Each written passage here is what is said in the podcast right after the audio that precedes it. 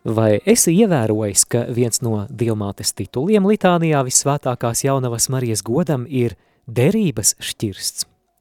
Vai tev tas nav raisījis jautājumus? Kāpēc tieši šāds neparasts tituls? Šī ir viena no tēmām, kuru mēs skarsim studējot otro Samuēla grāmatu. Dārgais klausītāj, tu šobrīd atrodies randiņā ar bībeli. Studijā Māris un Olga Veliki.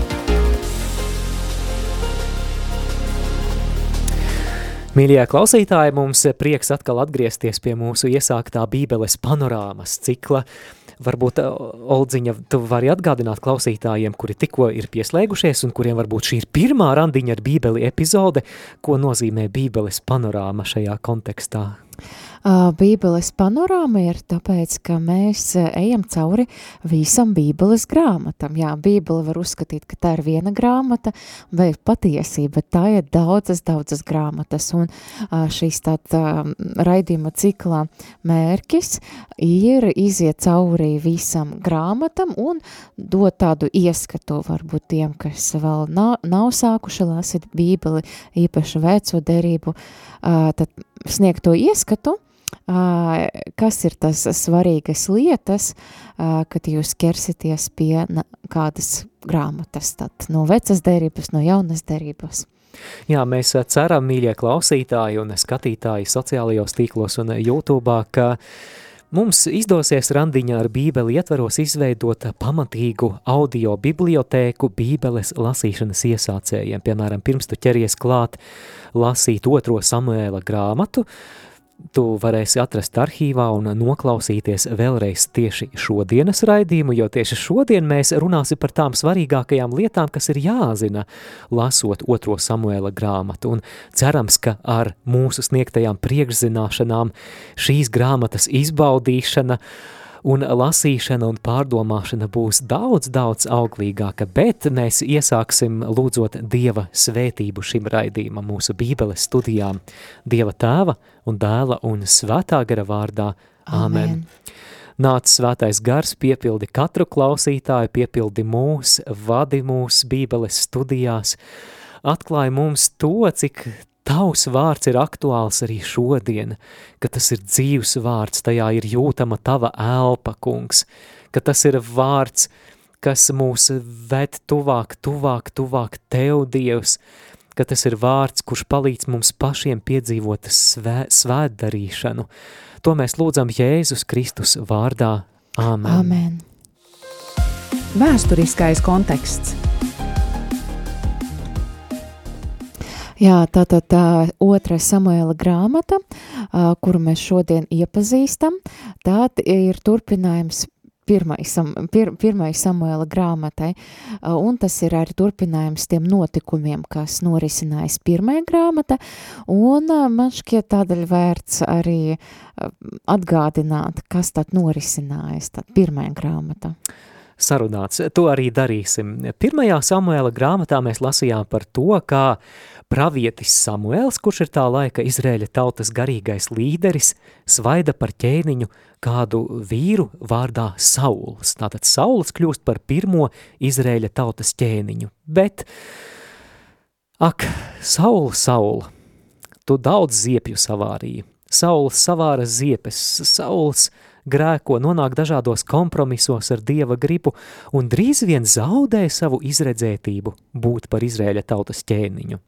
Viņš ne tikai grēko, viņš arī nenožēlo, man šķiet, arī savus grēkus. Un Jā. pretstātē mēs redzēsim uh, citus notikumus, kas turpināsies vēlāk. Jā, tad Dievs um, izrādas, izvēles kādu citu cilvēku, Dāvidu, kas bija sākuma gāniņš, uh, sava tēva mājas jaunākais no dēliem, bet uh, Samuēls viņu svaida, un tad uh, Dāvids uzvar Goliātu, uh, sava tāda cīņa, slavenā cīņa, un pēc tam tad Dāvids sāk kalpot uh, Saula galma kā viens no karavadoņiem.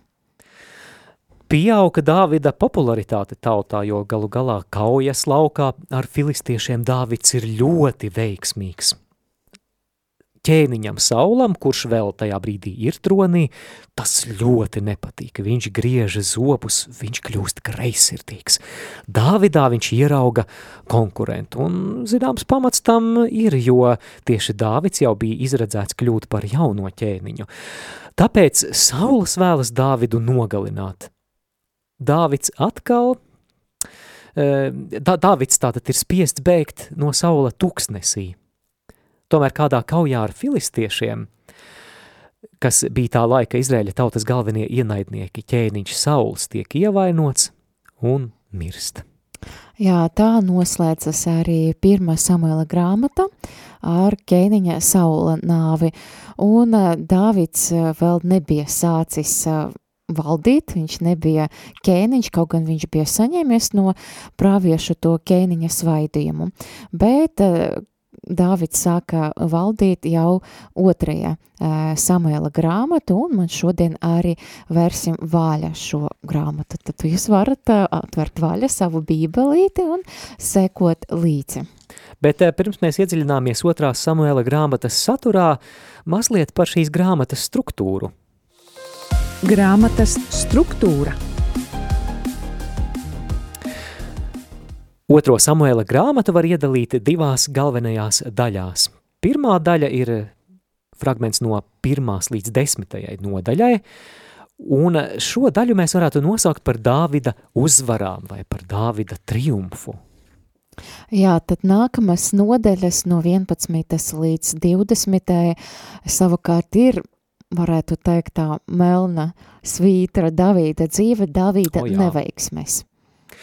Savukārt grāmatas noslēdzošās nodaļas no 21. līdz 24. nodaļai ir nehronoloģisks pielikums, kurā ir vēl papildus informācija par ķēniņa Dāvida valdīšanu. Grāmatas saturs – Jā, viss sākas ar to, ka Dāvids saņem ziņas par Saula nāvi un arī Jonatāna nāvi, kam ļoti bija labas attiecības ar Dāvidu, un Dāvids arī pasludina tādu sēru laiku. Un kā nekā tas bija tomēr ķēniņš, un Dāvids arī viņu ļoti cienīja. Un tad Dāvids tika kronēts, bet ne par visam Izrēļa ciltiem, bet tikai par jūda Jūdas cilti, no kurienes arī pats bija nācis. Jā, tieši tā, tātad sākumā mīļo klausītāji, svarīgi atcerēties, ka Dāvids ir ķēniņš tikai pār vienu no Izrēļa ciltīm, pār Jūdas cilti. Bet kurš tad valda pār pārējām Izrēļa ciltīm? Otrajā Samuela grāmatā mēs lasām, ka tas ir kāds no Saula dēliem vārdā Išbošets. Attiecības starp divām Izrēļa tautas daļām sākumā nav labas, pat izceļas pilsoņu karš, kurā Išbošets tiek nogalināts. Un tā no pārējās Izrēļa ciltis ir palikušas tagad bez ķēniņa. Ko darīt? Tās nolēmi Dāvidu lūgt kļūt par ķēniņu arī viņiem. Un lasām eh, otrā Samuēla grāmatas piektās nodaļas fragmentu, pirmais un otrais pants – Tad visas Izraēla ciltis nāca pie Dāvida uz Hebronu un sacīja, teikdamas, redzi, mēs esam no tava kaula un no tavas miesas. Arī jau sanāk, kad Sauls bija pār mums ķēniņš, tu tomēr biji tas, kurš izvedi un atkal pārvedi atpakaļ Izraēla karavīrus, un tas kungs tev ir sacījis, tev būs manu tautu Izraēlu ganīt, un tev būs būt pār vadoni Izraēlam. Tā arī notiek, kā pārējās Izrēļa ciltis gribēja. Dāvids tagad kļūst par visas Izrēļa tautas ķēniņu. Un, ja mēs atceramies kādā no Bībeles panorāmas pirmajiem raidījumiem, mēs runājām par Bībeles vēsturiskajiem posmiem. Šo posmu sauc par apvienotās karalistes posmu. Tas attiecas arī uz ķēniņa Saula laiku, un tagad arī ķēniņš Dāvids valda pār vienotu Izrēļa valsti. Jā, tad interesanti sākuma Dāvids valdīja pār uh, jūdēju, kas bija septiņi ar pusgadi, jā, un tikai mm -hmm. tā, tikai tad, pēc ilgiem gadiem, tad viņš valdīja tad par visu valsti, un šajā vēsturiskajā posmā arī norisinās kāds arī tāds, notika kāds notikums, Dāvids iekaro kādu pilsētu un nosauc to vārdu Jeruzalēme, un tieši... Kaut kur dzirdēts nosaukums. Kaut kur dzirdēts nosaukums, jā, un tieši Jeruzalemi viņš pasludina par valsts galvaspilsētu, un, bet turpmāk Jeruzaleme būs ne tikai valsts galvaspilsēta, bet arī tāda garīgais centrs. Tieši tā, Dāvids vēlas, lai Jeruzaleme ir ne tikai politiskais centrs, bet arī garīgais centrs, bet lai tas tā varētu notikt, Dāvidam ir kāds plāns. Viņš nolēma uz Jeruzalemi pārvest svarīgāko dieva klātbūtnes zīmi Izrēļa tautas vidū. Kas tas varētu būt? Derības šķirsts. Tieši Atcerēsimies, ka... Kas tur bija? Jā, derības šķirsts bija tāda akācijas koka kaste, šķirsts, kurā atradās gan, gan plāksnes ar bauslību, ko Mozus bija saņēmis, tur bija Ārona zizlis un arī manna, ko tuksnesī ēda e, un, Izrēļa tauta. Un virsū tad to rotējā divi eņģeļi, divi kerubi, jā, es jā. neatceros pareizi, jā. Un jā, tad derības šķirstu pārvērt uz Jeruzalemi notiek svinīga procesija, un interesanti, Dāvids var tā teikt, prieka pilns un interesanti mēs varam lasīt tālāk no 2. Samuela grāmatas no 14. līdz 15. 15. pantam, jā, ka Dāvīds patiesība var tā teikt, nu, pat zaudēja kaut kādu tādu ķēnišķu uh, stāju, jā, ka viņš pilnīgi bija kā prieka pārņemts un dejoja. Dejo priekšu. kā mazs bērns, jā, citi pat viņu nosoda, bet Dāvids arī ir, viņa sieva arī nosoda. Viņa sieva nosoda, bet Dāvids ir pilnīgi brīvs Dieva priekšā, viņš ir kā bērns, un, manuprāt, no Dāvida mēs varam mācīties uh, ka mūsu attiecībās ar Dievu mēs drīkstam būt kā bērni un mēs drīkstam priecāties. Patiesībā mums pie tā būtu pat jāatgriežas, lai nav kā tajā anekdotē, mammu, mammu, es redzēju kristīgu zirgu. Kāpēc tu domā, ka viņš bija kristīgs? Tāpēc, ka viņš bija ļoti bēdīgs. Bet lasām, kā tad notiek šie procesija, kā tad Dāvids pārvet derības šķirstu uz Jeruzalemi. Lasām fragmentu no 2. Samuela grāmatas sastās nodaļas no 14. līdz 15. pantam. Un Dāvids dejoja no visas savas sirds tā kunga priekšā, un Dāvids bija apjosts tikai ar līnu efodu. Tā Dāvids un viss Izraēla nams pārveda kalnu tā kunga šķirstu ar gavilēm un taures skaņām – Jau varam iedomāties, Dāvids Deivašs kirsta priekša, un, bet eh, pie šī notikuma mēs atgriezīsimies arī uh, raidījuma beigās, kad mēs runāsim par apslēpto Kristu. Jā. Jā, par apslēpto Kristu, tā ka paturi prātā, mīļo klausītāju un skatītāju, šo šķirsta pārvešanas notikumu uz Jeruzalemi. Tas mums būs ļoti svarīgi raidījuma turpinājumā. Bet gluži kā iepriekš joprojām šis derības šķirsts Jeruzalemē atrodas saiešanas teltī. Tā bija tāda portatīva pārnēsājama svētnīca, ko pēc dieva pavēles izveidoja Mūzus vadībā. Mēs par to lasījām izceļošanas grāmatā. Un tālāk mēs lasām ļoti interesantu lietu septītajā nodaļā. Dāvids sāk domāt, hmm, es dzīvoju greznā pilī, kas būvēta no ciedra koka, bet kā ir ar derības šķirstu? Kas ir tā dieva klātbūtnes zīme, tas joprojām mīt teltī, aiz audumiem, aiz dzīvnieku ādām. Nē, tā tas nevar Netaisnība. palikt. Jā, tā tas nevar palikt. Es it kā būtu svarīgāks par Dievu. Un, un viņš saprot, ka Dievam pienākas lielāks gods. Dāvids saprot, ko darīt. Pravietim Nātanam viņš atklāja savu ģeniālo plānu es uzcelšu namu kungam, jeb uzcelšu templi. Un plāns ir tiešām skaists un ģeniāls, un uh, sākumā arī pravietis Nātans, mēs zinām, ka Sam Samuēls jau ir mūžība, tad um, tagad ir slavenākais prāvietis Nātans, kas arī ik pa laikam arī mm, mēs varam redzēt arī šajā grāmata, ka viņš kaut ko runā uz Dāvidu, tad viņš sākumā saka, ka labi, dari to, ko tu esi izdomājis, bet naktī Nātanu uzrunā Dievs, un Dievam ir vēstījums Dāvidam, ka nevis uh, Dāvids uzcels kungam nāmu, bet kungs uzcel Dāvidam nāmu. Citiem vārdiem, vārdiem sakot, ka Dievs uzcelt, uzcelis Dāvidam dinastiju, un uh, Dāvida pēcnācēji uh, sēdes Dāvida troni, tā kā, un Dievs slēdz ar Dāvidu derību. Un to mēs lasam no otra Samuela grāmatas, uh, Septītā septītās nodaļas, tad no 12. līdz 13. pantam. Kad tavs laiks būs piepildījies, un tu dusēsi līdz ar saviem tēviem, tad es uzcelšu tavu dzimumu pēc tevis, kas nāks no tavām miesām, tam es nostiprināšu viņa ķēniņa valstību, un tas uzcels namu manam vārdam, un es nostiprināšu viņa ķēniņa valstības troni uz mūžīgiem laikiem. Jā, lūk, šāds Dieva vēstījums caur pravieti Nātanu Dāvidam. Mazliet rezumēsim, ko tad Dievs šeit apsola Dāvidam. Apsola, ka Dāvidam būs dēls, ka viņš būs tas, kurš uzcels namu kunga vārdam jeb templi, tātad nevis Dāvids, bet viņa dēls uzcels, bet tālāk seko arī apsolījums, ka Dāvida karaliskā valdīšana jeb dinastija būs mūžīga, un to mēs lasām tālāk 7. nodaļā, mm, 16. pantu.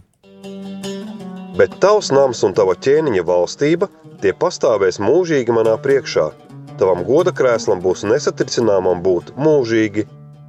Es aicinu atkal klausītāju paturēt prātā šo apsolījumu, ka Dāvida valstība būs mūžīga, ka viņa dinastijas tronis būs mūžīgs. Paturi šo prātā, jo pie šīs domas, pie šī svarīgā pravietojuma mēs vēlreiz atgriezīsimies rubrikā Apslēptais Kristus. Tik tālu par Dāvida triumfiem, bet eh, tulīt jāparunā arī par bēdīgākām lietām Dāvida dzīvē.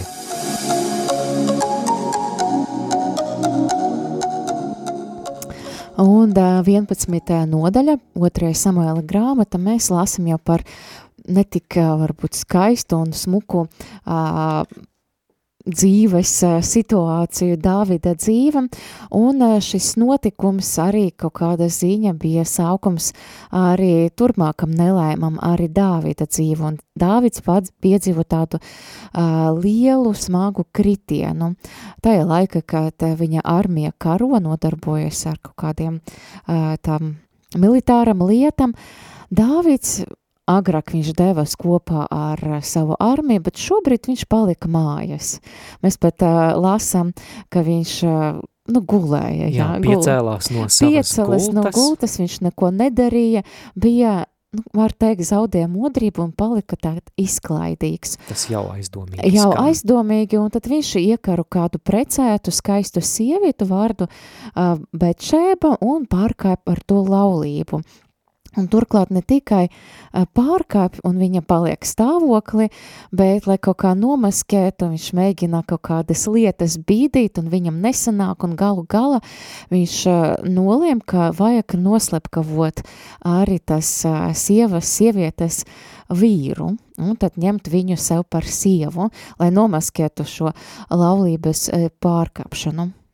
Jā, interesanti šeit mēs varam vēl, mazliet pakavēties pie šī notikuma, un, manuprāt, tas labi parāda kādu patiesību, kas var attiekties arī uz mūsu garīgo dzīvi, ka grēkam nepatīk palikt vienam. Grēks grib piesaistīt vēl citus grēkus, un grēki mēdz saslēgties tādā nepatīkamā ķēdītē, ka kļūst arvien trakāk un trakāk, jo viss jau sākās...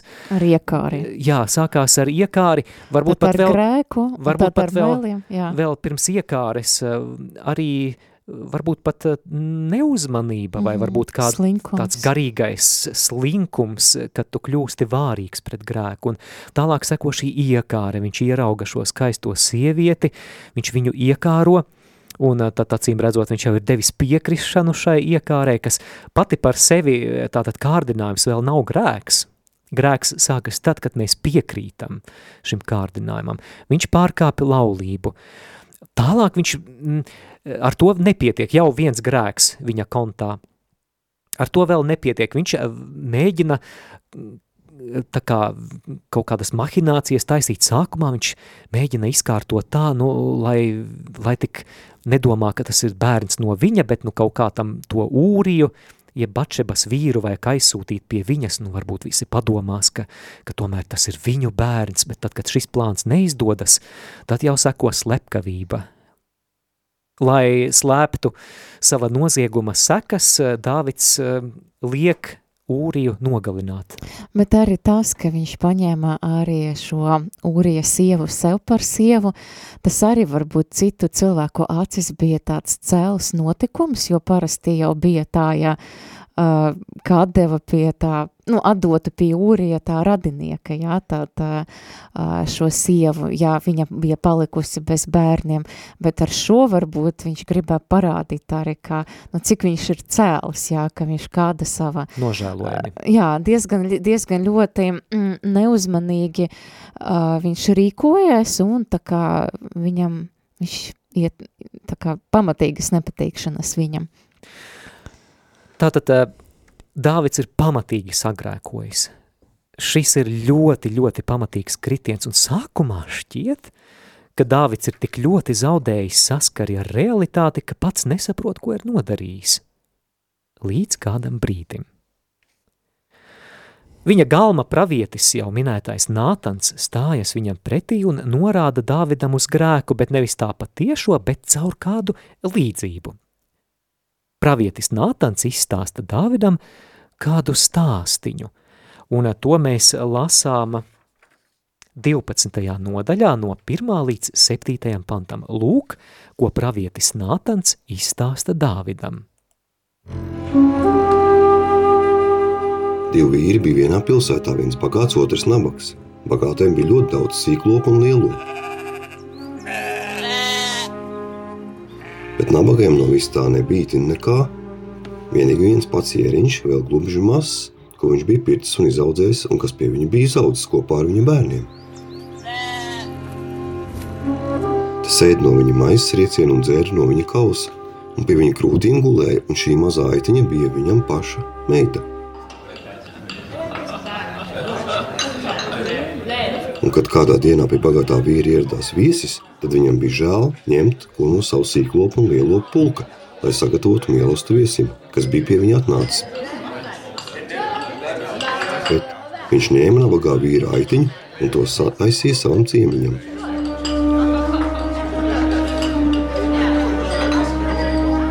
Tad Dāvids iedegās ļoti lielās dusmās pret to vīru, un viņš sacīja Nātanam: Tik tiešām tas kungs ir dzīvs, tas vīrs kas to ir darījis, ir nāvi pelnījis, un to jēriņu, lai tas izlīgdams, atdod četrkārtīgi tādēļ, ka viņš tā ir rīkojies un nav bijis līdzcietīgs. Tad Nātans atbildēja Dāvidam: Tu esi tas vīrs, tu esi tas vīrs. Tu esi tas vīrs. Jā, un Dāvids saprot, ka tomēr viņš iekrita grēka, ļoti smaga grēka, un jā, šie Nātana vārdi viņam tik ļoti uh, iespieda sirdi, un Davids uh, nāca pie grēka atziņas un arī nožēloja šo grēku, un ja mēs sa salīdzinām ar iepriekšējo ķēniņu Saulu, kurš tā kā nemācēja mm -hmm. uh, nožēlot savus grēkus, tā kā nu, negribēja atzīt, viņš mēģināja sevi kaut kā padarīt baltāko, bet uh, jā, tad Dāvids nožēlu grēku, un mēs arī šo grēku nožēlu uh, lasam 51. psalma, jā, 51. psalma, ko mēs bieži arī lasam uh, un, un dziedam krusta ceļam, un uh, jā, Dāvid rīkojas Dieva priekšā, tad uh, atzīstot šo grēku.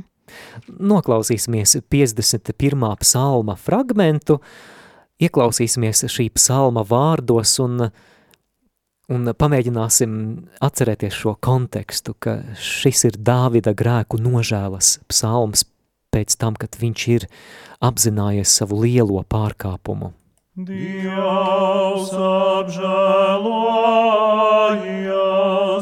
jo mēs esam grēcīgi. Dievs apžēlojies, jo mēs esam grēcīgi. Dievs apžēlojies par mums!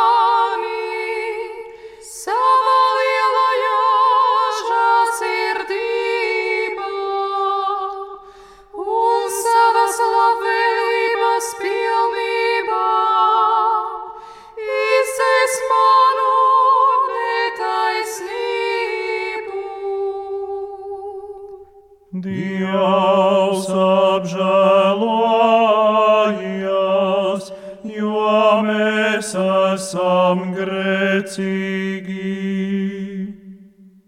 Mazgā mani tīru no noziedzības traipā un no grēka mani šķīstī, jo es atzīstu savu vainu un mans grēks ar vienu ir manā. Dievs apžēlojies, jo mēs esam grēcīgi.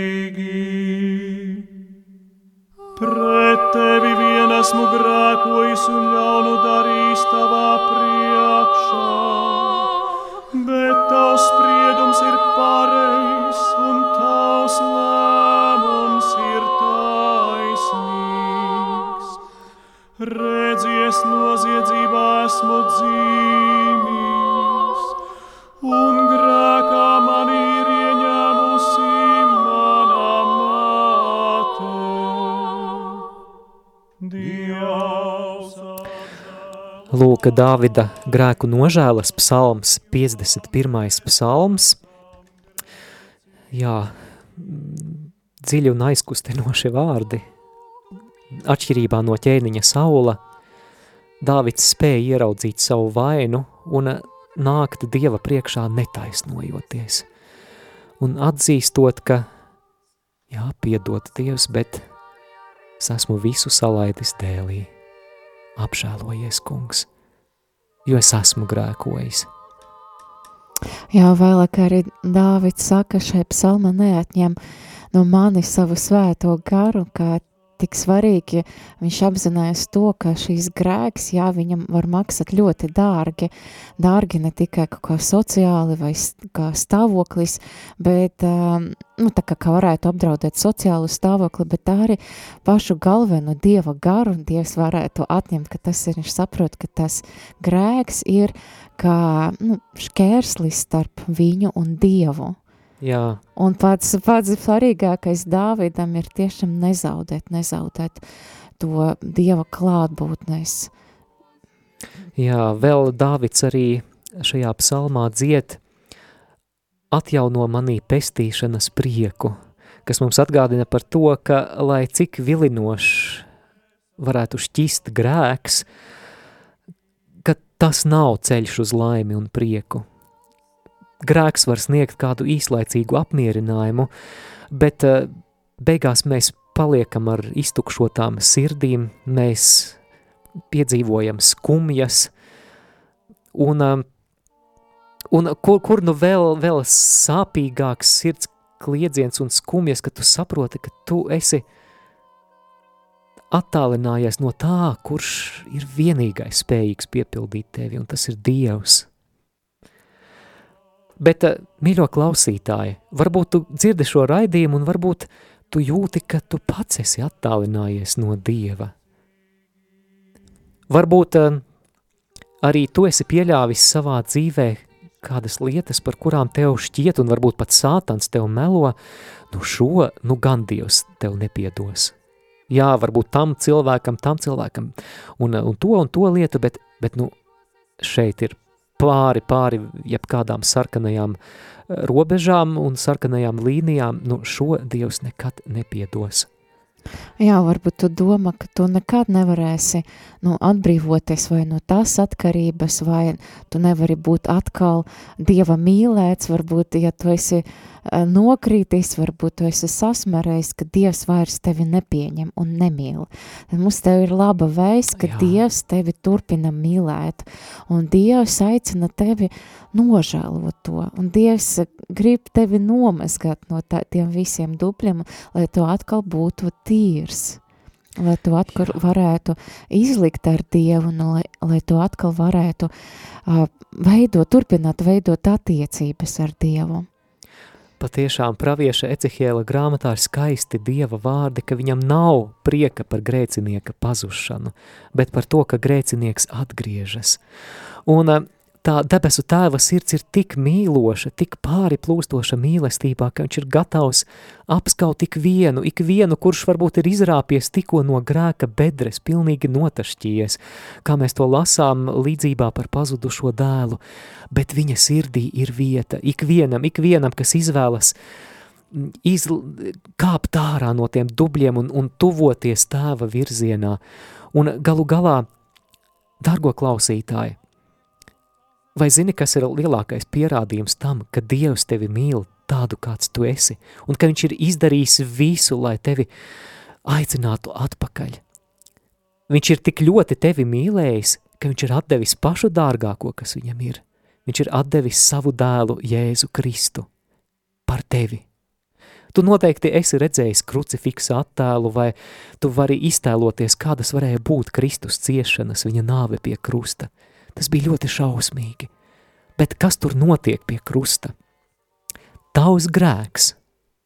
Ik viens mazākais grēciņš līdz pat lielākajam grēkam, līdz pat tam grēkam, par kuru tev ir kauns grēksūdzē stāstīt, līdz pat tam grēkam, par kuru tev ir sajūta, ka nu šo Dievs nekad nepiedos – Jēzus Kristus visu, visu to paņēma uz sevis pie krusta. Un pie krusta viņš tika nokauts, upurēts kā upurjērs, lai tev nebūtu jāpiedzīvo šis posts un šis sots. Viņš ir izdarījis pie krusta visu. Viņš ir nomiris tavā vietā. Un trešajā dienā viņš augšām cēlās. Lūk, Dieva bezgalīgā žēlsirdība. Piedošana ir tikai viena sirds sauciena attālumā no tevis, nezaudē dūšu, notici Dievam, kurš tevi ļoti, ļoti, ļoti mīl. Jēzus ir sacījis, nevis, nevis veseliem ir vajadzīgs ārsts, bet neveselajiem. Tieši tāpēc jau Jēzus ir nācis, lai būtu kopā ar tādiem kā tu, ar tādiem kā mēs, kas visi esam grēcinieki, un mums visiem, visiem ir kādos dzīves brīžos vajadzīga piedošana – notici šai Dieva bezgalīgajai, bezgalīgajai mīlestībai.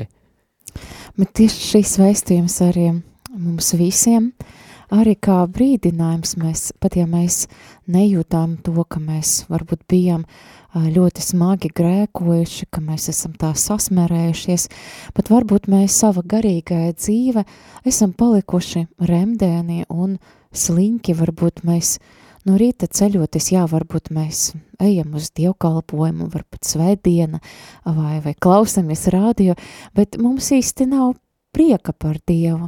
Varbūt mēs esam ieslieguši tāda garīgais slinkuma, mums vairāk gribas ieslēgt televizoru vai arī ielukoties sociālajos tīklos, lai sevi pabarotu ar kaut kādām ziņām, ar kādiem video, mm -hmm ar kādām bildēm. Lūkšana vairs negaršo. Lūkšana vairs negaršo, un jā, tad es gribu pateikt, jā, es domāju arī par sevi, ka Dievs klauvē pie mūsu sirds.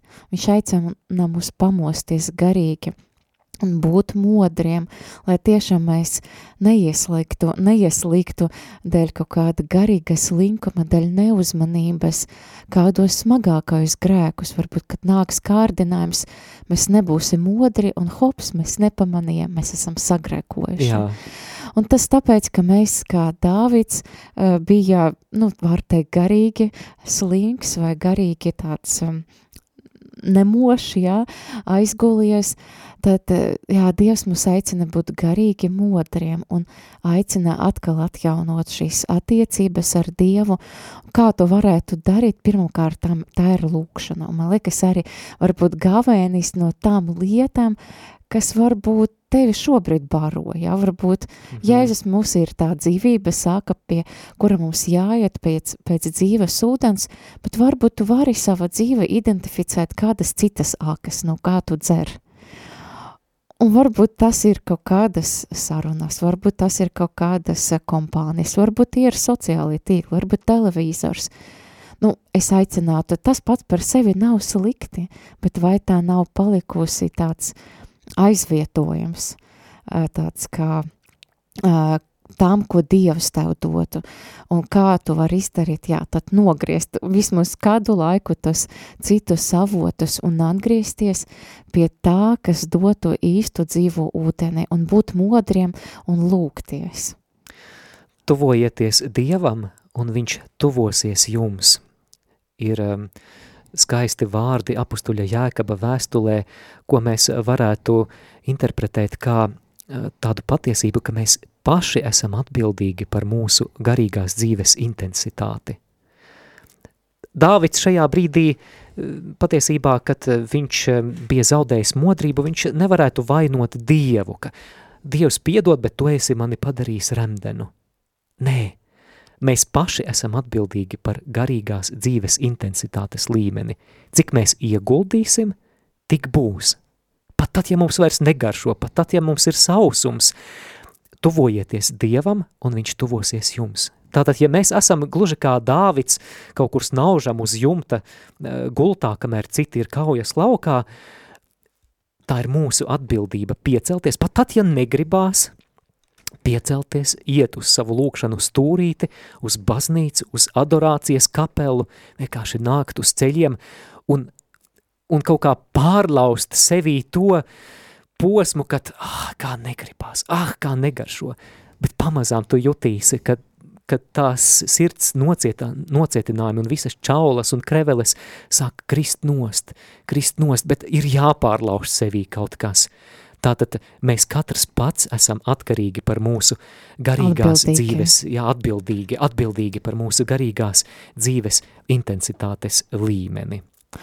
Jā, tas ir svarīgi arī sākoties gavēniem, pavisam drīz arī nu, atgriezties no sirds pie kunga, pie, pie tām, pie tām divpusējām attiecībām, un Dievs Dievs, Dievs ir Dievs, viņš dos žēlastību, jā, mēs lūksim, viņš vienmēr dos žēlastību, un kad man ir kaut kāds tāds posms un kārdinājums, es atceros, vai kāds garīgais slinkums, es atceros bieži tādu teicienu, es dzirdēju no kādas misionārus, misionāras, ja tev ar Dievu ir garlaicīgi, tad tu pats esi garlaicīgs. Un jā, es, ir, es runāju arī paša, pati par sevi, jā, es jūtu, ka man kļūst garlaicīgi ar Dievu, tad es domāju, tā ir mana problēma šobrīd.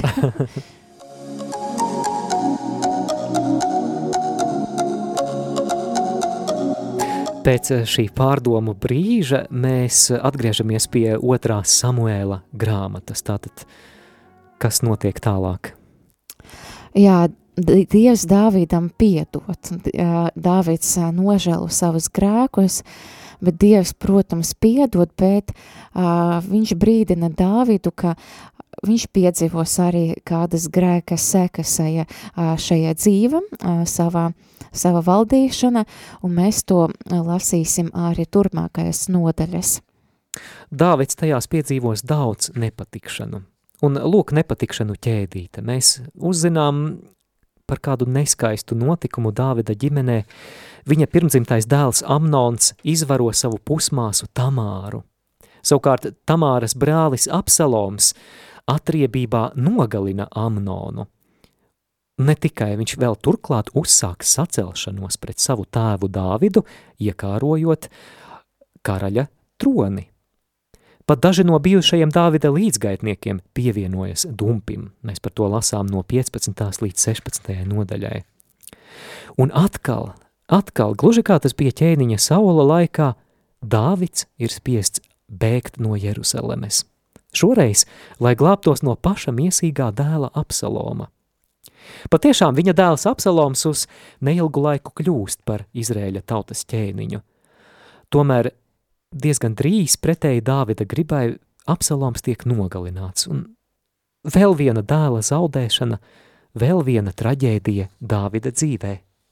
Jā, Dāvids ļoti uh, apbēdināts par Absaloma nāvi, kaut gan arī likas, ka viņš bija pretinieks viņam, bet Dāvids jūtas ļoti saruktināts par šo. Uh, bet uh, turpmāk mēs no 22. nodaļas līdz 24. Uh, lasam par, par uh, noslēdzošu tādu daļu par Dāvida dzīvi, un šeit iekļautas tāda papildus informācija par Dāvida dzīvi. Mēs lasam šeit gan Dāvida dziesmu, 22. nodaļa, arī par Dāvida karotāja varoņdarbiem 23. nodaļa, un arī kāds vēl cits sāpīgs notikums Dāvida dzīve, tā ir tā nelaimīga tautas skaitīšana, kad Dāvids kaut kādu savu iemeslu dēļ, nepareizu motīvu dēļ, nolema izdarīt to tautas skaitīšanu un jeb saprast, cik viņš ir stiprs ar saviem spēkiem. Un tad uh, tam sēko arī Dieva sots mēris. Jā, Dievs saka, ka tu izdarīji nepareizi uh, manas acīs. Un uh, tad Dāvids noslēdz savu dzīvi kā vīrs, kas uh, nu, piedzīvoja savu dzīvi ļoti daudz pārbaudījumu un sāpju. Un eh, visbeidzot, noslēdzot šo pārskatu par otro Samuēla grāmatu, vēlreiz atcerēsimies, ar ko iesākās pirmā Samuēla grāmata. Mēs tur lasījām Hannas dziesmu. Un šajā dziesmā mēs jau minējām iepriekš, ieskanas tie motīvi, kuri tālāk ir izvērsti turpmākajā Samuēlu, Samuēla grāmatas stāstījumā. Hanna dziedāja par to, ka Dievs pretojas augstprātīgajiem un paaugstina pazemīgos – Un Dievs patiešām paaugstināja Dāvidu, ka tas bija vienkārši ganiņš, kad viņš bija pazemīgs, bet Dievs arī ļāva Dāvidam piedzīvot rūktās sekas tam, ka Dāvids bija kādā brīdī zaudējis savu modrību un savu sirds šķīstību. Bet tomēr neraugoties uz visu cilvēcisko grēku, cauri tam visam Dievs turpina īstenot savus pestīšanas plānus cilvēcei. Apslēptais Kristus. Sadaļā apslēptais Kristus mēs vēlreiz atgādināsim, ka Bībele ir viens vienots stāsts, neraugoties uz to, ka tā sastāv no dažādām ļoti daudzveidīgām grāmatām. Bet tam visam Bībeles stāstam vijas cauri vienots pavadiens. Tātad Dievs ir radījis cilvēku vienotībai ar viņu, bet grēka dēļ cilvēks no Dieva ir aizgājis projām un attālinājies. Bet Dievs mīlēdams cilvēku turpina meklēt atpakaļ ceļu pie cilvēka sirds. Dievam ir prātā pestīšanas nodomi. Un tas viss mūs noved pie Jēzus Kristus jaunajā derībā, Tātad jaunajā derībā piepildās viss tas, uz ko ir cerējušas vecās derības paaudzes. Un kur mēs redzam šo apslēpto Kristu, šīs cerības par kādu, kādu ķēniņu, kurš reiz nāks un atjaunos šeit virs zemes to agrāk grēka izjaukto dieva kārtību. Mēs to īpaši redzam 2. Samuēla grāmatas 7. nodaļā, tā ir ļoti, ļoti būtiska nodaļa visā bībeles stāstā. Šeit tiek noslēgta tā sauktā Dāvida derība, īpaša vienošanās starp Dievu un ķēniņu Dāvidu. Mēs atgādināsim to, ko jau minējām raidījumā. Šajā derībā Dievs apsola Dāvidam, ka viņa nams, viņa tāda dinastija un viņa valstība pastāvēs mūžīgi. Tāds ir eh, Dieva apsolījums Dāvidam, un vai tev tas kaut ko atgādina jaunajā derībā? Atcerēsimies Lūkas evaņģēlija iesākumu, kad Dievs sūta eņģeli Gabriēlu pie jaunavas vārdā Marija. Un um, šis eņģelis sveicina Mariju un uh, pasludina Marijai, ka viņa kļūs par Dieva dēla māti un ka šis bērniņš, kurš dzims un tiks nosaukts vārdā Jēzus, ka Dievs viņam dos viņa tēva Dāvida troni un viņa valstībai nebūs gala. Lūk, nepārprotama atsauce uz šo apsolījumu Dāvidam. Noklausīsimies fragmentiņu no Lūkas evaņģēlija. Lūk, tu kļūsi grūta miesās un dzemdēsi dēlu un nosauksi viņu vārdā Jēzus. Un viņš būs liels un sauksies visaugstākā dēls. Un Dievs kungs dos viņam tēva Dāvida troni, un viņš valdīs pār jēkaba namu mūžīgi – un viņa valstībai nebūs gala. Jā, mēs redzam, ka Jēzus ir Davīda uh, derības piepildījums. Jēzus ir valdnieks. Un nevis tāds politiskais, militārais valdnieks, bet viņam pieder visa vara debesīs un zemē. Un tad viņš valda debesu valstība, un kuru viņš arī atnesīs šeit virs zemes. Jā, viņš, kad viņš sludināja labu vēsti, atgriezieties no grēkiem, debesu valstība ir tuvu, jo Jēzus bija atnācis uz zemes un viņš nesa to debesu valstību. Un tas pārspēja visu vispār, par ko Dāvids pat varēja sapņot. Tā ir valstība, kas nekad nezūdīs. Tā ir valstība, kas ir pāri kādam valstībam. Un Jēzu priekša, Jēzus priekša locīsies visi, visi ceļi. Un, jā, jā, un Jēzus arī Mateja evaņģēlija noslēgumā teica, ka man ir visa vara debesīs un virs zemes. Lūk, šis jaunais valdnieks, kurš bija apsolīts jau ķēniņam Dāvidam, toreiz varbūt vēl īsti neviens nesaprata, kā izpaudīsies šī Dāvida pēcnācēja vara, kā izpaudīsies tas, ka šī Dāvida dinastija nebeigsies. Un Jēzu Kristu tas izpildās pilnīgi varbūt citādāk nekā tā laika ekspektācijas, jo daudzi gaidīja, ka Jēzus būs kāds politisks vai militārs uh, līderis, bet nē, Jēzus nāk kā, kā kungu kungs un ķēniņu ķēniņš, kurš ir nonesis debesu valstību šeit virs zemes. Jā, vēl kāds, ja tu man, Māri, atļausi, jā, arī man likas lasot otru Samuela grāmatu, kas patiesība mana bībeles plāna, es tagad lasu šo grāmatu, man likas ļoti interesanta otrē Samuela grāmata, piektē nodeļa ir rakstīta, rakstīti tie valdīšanas gadi, kas bija Dāvidam. Un, piemēram, Dāvids sāka valdīt, kad viņš bija 30 gadus vecs. Līdzīgi kā Jēzus, viņš sāka savu uh, publisku kalpošanu, kad viņš bija 30 gadus mm -hmm. vecs. Un viņš valdīja par abām valstīm, tā kā, nu, kopā, jā, tad 40 gadus. Un man liekas, ka, nu, 40 gadus mēs zinām, ka tas ir Mūzes veicums, kad viņš bēga uz tūkstnesi, 40 gadus Mūzes uzturējas tūkstnesi, pēc tam, tad uh, pēc 40 gadam, gadiem pēc bēgšanas, tad uh, Dievs uh, viņu aicināja izvest uh, Izraēļa tautu no, no Ēģiptes, kas man likas interesantā arī bibliski. Un interesanti Hebronu par jūdu viņš valdīja septiņus gadus, bet Jeruzaleme Dāvids valdīja 33 gadus. Tikpat daudz, cik Jēzus nodzīvoja šeit virs zemes. mm, cik skaisti. Jā, tātad šī pirmā saikne starp otro Samuēla grāmatu un piepildījumu jaunajā derībā, tātad šis uh, Dāvida derības piepildījums, bet ir vēl kaut kas interesants.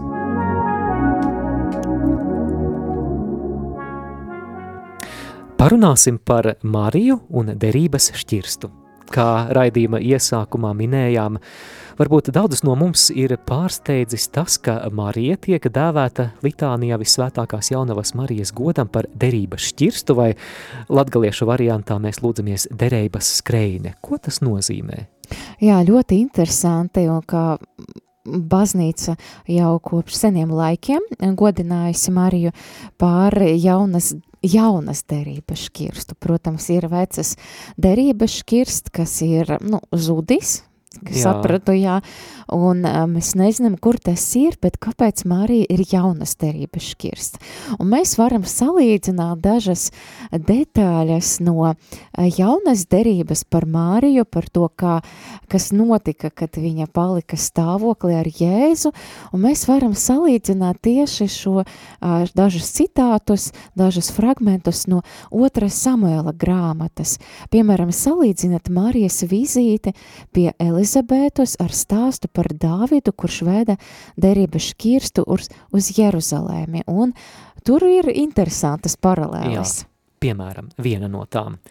Otrajā Samuēla grāmatā, sastajā nodaļā, otrajā pantā mēs lasām par eh, šo šķirsta pārvešanu uz Jeruzalemi, un tur ir teikts, ka Dāvids cēlās un devās uz Jūdeju. Vai tev tas kaut ko atgādina? Marijas uh, stāstā Lūkas evaņģēlija sākumā Marija cēlās un steigšus devās kalnos uz pilsētu Jūdejā Lūkas 1.19. Tātad Dāvids, ieraugot škirstu, kad to pārvēta uz Jeruzalemi, viņš iesaucas, kā tā kunga škirsts var, var nākt pie manis. Savukārt Elizabete, ieraugot Mariju, kā tas man nākas, ka mana kunga māte nāk pie manis. Interesanti, tieši tie paši vārdi, nu, derības mm -hmm. škirst un kunga māte, kā tas ir, ka tas nāk pie manis. Vai, piemēram, kā jau minējām, brīdī, kad uh, svinīgajā procesijā derības šķirsts tiek pārvests uz Jeruzalemi, Dāvids dejoja derības šķirsta priekšā. Savukārt, mazais Jānis Kristītājs lēkā Elizabetes klēpī, Marijas klātbūtnē. Uh, arī pirms derības šķirstu aiznesa tad uz Jeruzalēme, trīs mēnešus tas uzturējis Obet Edoma namā. Un mēs zinām arī, ka Mārija, kad viņa dēvas pie Elizabetes uz Zaharija nama, viņa palika tur arī trīs mēnešus. Un vēl, droši vien zināt labi to tekstu, ka tiklīdz Marija sveicināja Elizabeti, Elizabete tika svētā gara piepildīta un skaļi iesaucās. Šis vārds, kas tiek latviskots kā skaļi iesaucās, grieķiski ir anafoneo, kas atrodams tikai piecās vietās grieķu vecajā derībā, jeb septogintā. Un katru reizi, kad šis vārds tiek lietots, Tas apraksta priecāšanos šķirsta priekšā, levītu priecāšanos derības šķirsta priekšā. Kāds varbūt teiktu nejaušības, bet diez vai Bībele ir ļoti, ļoti gudri un interesanti uzrakstīta. Ja vecās derības šķirstā bija bauslības plāksnes, manna no tuksneša un ārona priesteriskais spieķis, tad Marija šis jaunās derības šķirsts – tajā tā, viņa nes savās miesās pašu Dieva vārdu, dzīvības maizi un eh, jaunās Dieva tautas augsto priesteri Jēzu Kristu. Jā, mēs, eh, ja mēs zinām, tad tā eh, vecē derība par derības šķirstu, kā derības škirstam, vecas derības škirstam nevarēja pieskarties grēks. No 2. Samuela grāmatas sestas nodaļas, kad uh, Davids gribēja pārnest to derības škirstu uz Jeruzalēme, notika kāds tāds uh, negadījums, uh, kāds priesteris, būdams, viņš gribēja tā pieturēties pie tā derības. Nē, problēma, ka viņš nebija priesteris. Nebija priesteris, jā, piedošana, nu jā, bija levīts. Vienkārši levīts, jā. Jā, levīts, jā. Tad uh, viņš pieskaras derības škirstam, un kas notika? Viņš to nedrīkstēja darīt, viņš to, tikai nedar... priesteri drīkstēja jā, darīt. Piedošana. jā, tad drīkst, jā, tad to drīkstēja darīt tikai priesteri, viņš nedrīkstēja pieskarties, Un kas notika, viņš nomira uz vietas, un visi bija pārbijošies, kāpēc nedrīkstēja pieskarties škirstam, jo nedrīkstēja pieskarties tam, kam ne, bija aizliegts, un mm -hmm. kas bija, jo tas nebija iesvetīts, un tas bija, nu, netīrs, tas bija grēcinieks. Jā, un eh, tajā, šajos vecās derības noteikumos mēs redzam ar cik lielu godu tika apveltīts šis derības šķirsts, kas tika uzskatīts par, par to tādu tā kā epicentru, kur Dieva klātbūtne manifestējas, kur Dieva klātbūtne mājo. Un, ja mēs to attiecinām uz Mariju, kā jaunās derības šķirstu, tad, tad mēs redzam, ka jā, mēs varam pārdomāt par to, ka tam cilvēkam – tai sievietei, kurai Dievs vēlēja savās miesās nest pasaules pestītāju, pašu Dieva dēlu vajadzēja arī būt pat vēl izcilākā svētuma stāvoklī nekā derības šķirsts. Un šis ir viens no netiešiem pamatojumiem katoliskās baznīcas mācībā doktrīnai par Marijas bezvainīgo ieņemšanu. Proti mācība par to, ka visvētākā jaunava Marija jau kopš ieņemšanas brīža tika pasargāta no pirmgrēka sekām, kas ir skārusi visu cilvēci. Bet viņa kā arī Kristus nopelnu dēļ, nevis kaut kādu savu nopelnu vai savu kvalitāšu dēļ, bet Kristus nopelnu dēļ, bet jau avansā, ja tā var teikt, priekšlaicīgi, viņa tika pasargāta no pirmgrēka sekām. Kāpēc? Jo viņai bija jākļūst par šo svēto, ar bību apveltīto derības šķirstu, kas sevī nesīs pasaules pestītāju. Jā, mēs varam iedomāties, ja vecas derības šķirstam bija jābūt pilnīgi svētam, neskartam, tad, nu, kur nu vēl jā, bija jābūt uh, tai sievietei, kurai nesa savas miesas, uh, pašu, pašu ķēniņu, pašu dieva dēlu, un tāpēc arī tas vēl viens um, jaunavas Marijas uh, litānijas tituls ir bez iedzimtas vainas ieņemta karaliene, tāpēc arī mēs to sākam, un kas interesanti, jā, tad neliela atšķirība arī no pareisticīgu baznīcas izpratnes, jo es sapratu, ka uh, tā atšķirība starp ar pareisticīgo baznīcu, ka viņi tic, ka Marija uh, nu, nedarīja grēkus, nav, nav grēkojusi savā dzīve, bet savukārt viņam nav tās uh, nu, mācības par to, ka viņa bezvainīgi ieņemta, ka viņa mm -hmm. personiski nevienu grēku nav izdarījusi savā dzīve. Jā, un um, eņģeļa sveiciens Marijai skan esi sveicināta Marija vai priecājies Marija, uh, un tiek lietots grieķu vārds keharitomenē, eh, ko katoliskajā tradīcijā tulkojam kā žēlastības pilnā.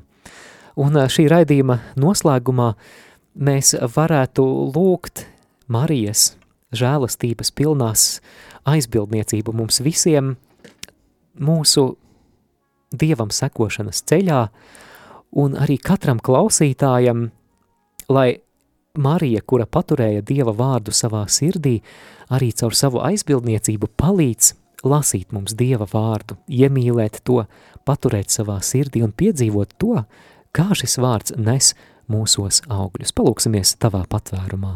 Un arī negrekot, un arī, lai Marija mums palīdz negrekot un neiekrist garīgais slinkuma. Jā, būt, būt nomodā, nevis kā Dāvids eh, to piedzīvoja savā dzīvē pirms grēkā krišanas, jā, visvētākā jaunava Marija, mēs uzticam sevi, tev uzticam savu dzīvi un savas ilgas sekot tavam dēlam Jēzum vairāk par visu.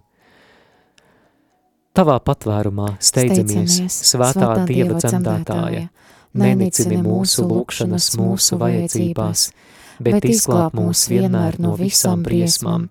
Tu godināmā un svētā jaunava, mūsu valdniece, mūsu vidutāja, mūsu aizbildinātāja, izlīdzini mūs ar savu dēlu, novēli mūs savam dēlam, stādi mūs savam dēlam priekšā, lūdz par mums svētā Dieva dzemdētājiem. Lai mēs Kristus solījumu cienīgi topam. Kungs Dievs, mēs Tevi lūdzam, liec, lai mūsu Tavu kalpu, dvēseli un miesa vienmēr būtu vesela, un ar slavējumas visvētākās jaunavas Marijas aizbildniecību, mēs tiktu atbrīvoti no laicīga ļaunuma un priecātos mūžīgajai dzīve, cer Jēzu Kristu mūsu kungu. Amen. Dieva tēva un dēla un svētā gara vārdā. Amen. Amen. Sirsnīgs paldies arī mūsu brīvprātīgajam Edmundam Puzulim par svēto rakstu lasījumiem. Un, eh, ja skaties šo Facebookā vai YouTube, tad padot tālāk, ieliec īkšķīti sirsniņu un ieraksti kādu komentāru. Paldies! Šeit studijā bijām mēs Māris un Olga Veliki. Jūs klausījāties raidījumu Randiņš ar Bībeli. Savas atsauksmes, ieteikumus un jautājumus sūtiet uz e-pastu Randiņš ar Bībeli at gmail.com. Iepriekšējās raidījuma epizodes var atrast arhīvā.